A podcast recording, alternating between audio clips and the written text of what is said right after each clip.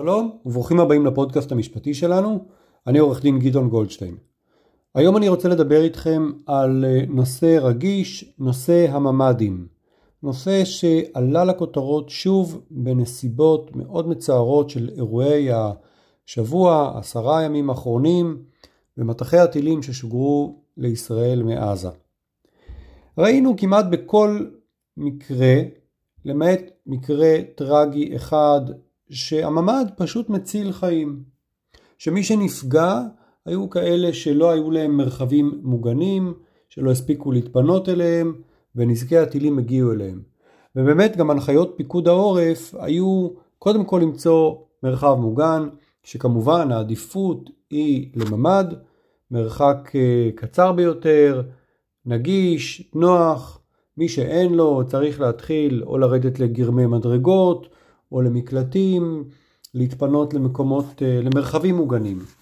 אין תחליף לממ"דים, זו האמת. זה נוח וזה משהו שהוא ברמת ה-must. זה ממש הכרחי וזה, הנחיצות בממ"דים הוצפה לאור המטחים המאוד אינטנסיביים, גם בהיקף שלהם, במיוחד בערים הדרומיות ובערי המרכז שבאמת חטפו בלוחמה האחרונה את עיקר האש מעזה, ברמה של עשרות שיגורים, ו, ומי שאין לו ממ"ד, וגם מי שיש לו מתקשה, אבל מי שאין לו ממ"ד, אין ספק ששגרת החיים שלו פשוט נהרסה.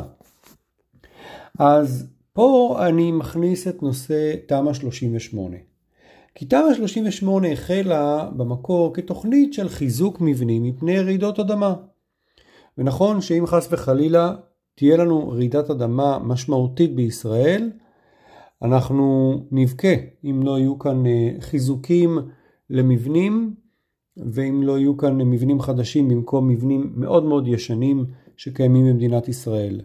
אבל עד רעידת האדמה כרגע אנחנו נמצאים בשגרה בישראל של אחת לכל כמה שנים ויש מקומות שאחת לכמה חודשים או אפילו באופן רצוף אה, שיגורים מעזה של טילים, של פצצות כאלה ואחרות וצריכים את הממ"ד. בישראל זה כבר לא פריבילגיה, זה הכרחי כדי לקיים אה, שגרת חיים ולבטיחות. ובאמת מה שמאפיין תמ"א 38 מעבר לכל הדיבורים על האם החיזוק למבנה קיים הוא מספיק טוב נגד רעידת אדמה או שעדיף להרוס ולבנות מחדש. האם התמורות מספקות את הדיירים הקיימים או שהם רוצים לקבל עוד קצת מטרים ועוד קצת שיפוצים ועוד קצת אה, תנאים כחלק מהעסקה שלהם עם, היזים, עם היזם בתמורה לחיזוק. אז יש את כל הדיבורים האלה ואנחנו מכירים גם ודיברנו פה בפודקאסטים על נושא הדיירים הסרבנים, על uh, סיכולים כאלה ואחרים של פרויקטים, אבל בסוף תמ"א 38 גם נותנת תמורה אחת מאוד בסיסית ומאוד מאוד נחוצה, וזה הממ"ד. וכאן נשאלת השאלה, האם הרשויות המקומיות עשו מספיק בשביל שיהיו די פרויקטים של תמ"א 38, ותכף נדבר על זה, ונשאלת השאלה הנוספת, מה יקרה כשתמ"א 38 תיפסק? כי אנחנו יודעים שהתוכנית הזאת הוארכה והוארכה והוארכה והיא תפקע באוקטובר 2022. מה יקרה עד אז ומה יקרה אז? אלה שאלות שהן לא סתם שאלות עתידיות, אלה שאלות שהשפיעו על תוצאות המלחמה הנוכחית, המבצע האחרון עם עזה, ויכולים להשפיע גם בתקופה הקרובה וכמובן לעתיד. אז אני אקח שתי דוגמאות. דוגמה אחת מאוד מאוד מצערת שאדם קיפח את חייו כשלא היה לו מרחב מוגן, קרתה ברמת גן, ואז גם התברר שברמת גן יש הרבה בתים שבהם אין מרחבים מוגנים ואין ממ"דים. אז אני אספר לכם משהו. רמת גן היא אחת הדוגמאות לערים שיהיו מישהו יגידו שהעיר הזאת או העירייה הזאת ממש סיכלה בשנים האחרונות פרויקטים של תמ"א 38. כי ראש העיר הנוכחי ויש לי הערכה רבה אליו, אבל ראש העיר הנוכחי החליט לעשות סטופ, להפסיק את מה שהיה, מה שנקרא המערב הפרוע שקרה בשנים לפני שהוא היה ראש עיר, להפסיק את הנושא שבהם תמ"א 38 גרמה פתאום לצמיחה והקמה של בניינים גבוהים ללא תשתיות מתאימות, והחליטו שמעכשיו ואילך לא יאושרו תמ"א, פרויקטים של תמ"א 38 ברמת הבניין הבודד, אלא אם כמה בניינים יחברו להם יחדיו לאיזשהו גוש ויגישו כחלק מהתכנון הכוללני הזה גם תוכנית קצת יותר מקיפה ברמת התשתיות, ברמת התנועה וכולי. וזה בעצם אה, סיכל ועצר פרויקטים של תמ"א 38 ברמת גן. ממש כך, בשנים האחרונות אה, העירייה עשתה שינוי מקצה לקצה וכמעט ואין לכם פרויקטים כאלה ברמת גן.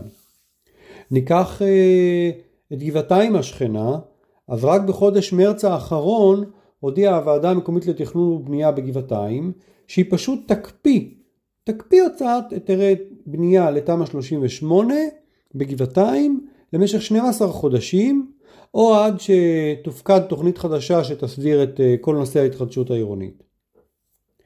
וכאן עולה השאלה מה באמת חשוב? האם באמת חשוב תכנון שאסור לזלזל בו, תכנון רוחבי, תכנון היקפי יותר של תשתיות, של פרויקטים של תמ"א 38 כפי שעיריית רמת גן אה, דרשה וכפי שעיריית אה, גבעתיים בעצם אומרת שדרושה לה, אבל זה מסכל פרויקטים אה, של תמ"א 38, או שמא נחוץ ואין ברירה מעבר לנושא של, של, של כל מה שתמ"א 38 עשתה, שיצרה קרקעות, ומעבר לוויכוחים של האם דיירים מתעשרים על חשבון הפרויקט, נהנים, או, או, או באמת זה, זה נותן להם חיזוק מפני רעידות אדמה, או זה סתם מחדש ומשפץ את הבניין. יש כאן עניין של חיים ומוות, עניין של שגרת חיים בישראל. ממ"ד זה לא פריבילגיה. ונשאלת השאלה האם לא היה נכון יותר לא להפקיד בידי הרשות המקומית, בידי העירייה, את ההחלטה האם יהיו פרויקטים של תמ"א 38 או לא יהיו פרויקטים. או באיזה תנאים יהיו פרויקטים. האם לא היה נכון דווקא לעשות ההפך ולומר יש נחיצות בחיזוק מבנים מפני רעידות אדמה, יש הכרח בבניית ממ"דים, יש הכרח במיגון בתים. וכרגע התמ"א 38 או תוכנית אחרת שתחליף אותה ותיקח בחשבון שיקולים שונים היא התוכנית שצריך ממש לאכוף על רשויות מקומיות. ולא ייתכן שיקחו פרויקטים באיזושהי עיר, רמת גן, גבעתיים, עיר אחרת, זה לא ממש משנה, אבל יש לא מעט ערים כאלה. ייקחו פרויקטים שממש עמדו לפני מימוש, אחרי חתימות עם יזמים ולפני ובמהלך היתרי בנייה, ופתאום עולה לו ראש עיר חדש, או יש איזה שינוי מדיניות ב, ב, במוסדות התכנון בעירייה, והפרויקטים האלה מעוכבים. וכשפרויקטים כאלה מעוכבים, הרבה פעמים גם דינם להשתנות ואפילו להתבטל, והדיירים נשארים במצב של חוסר ודאות, ומוצאים את עצמם יום אחד באיזושהי מערכה כזאת מול עזה או הולכו תדעו מה יקרה, שמצריך את הממ"דים האלה ואין להם. זו השאלה. זאת שאלה טובה, אפשר uh, לדון בה, אני חושב שה... שנכון הוא שהממשלה תיתן את הדעת על הדברים האלה, כי בסוף הביטחון של אזרח לא צריך להיות uh, נמצא לדעתי בידיו של ראש עיר כזה או, אחר. ביטחון חיים, ביטחון uh, אזרחי. לאזרחי מדינת ישראל צריך להיות בידי הממשלה, בידי מוסדות תכנון ברמה הממשלתית ולא ברמה המקומית. זהו, עד כאן להפעם, אני עורך דין גדעון גולדשטיין ואני מקווה שנתראה בתקופות שקטות יותר.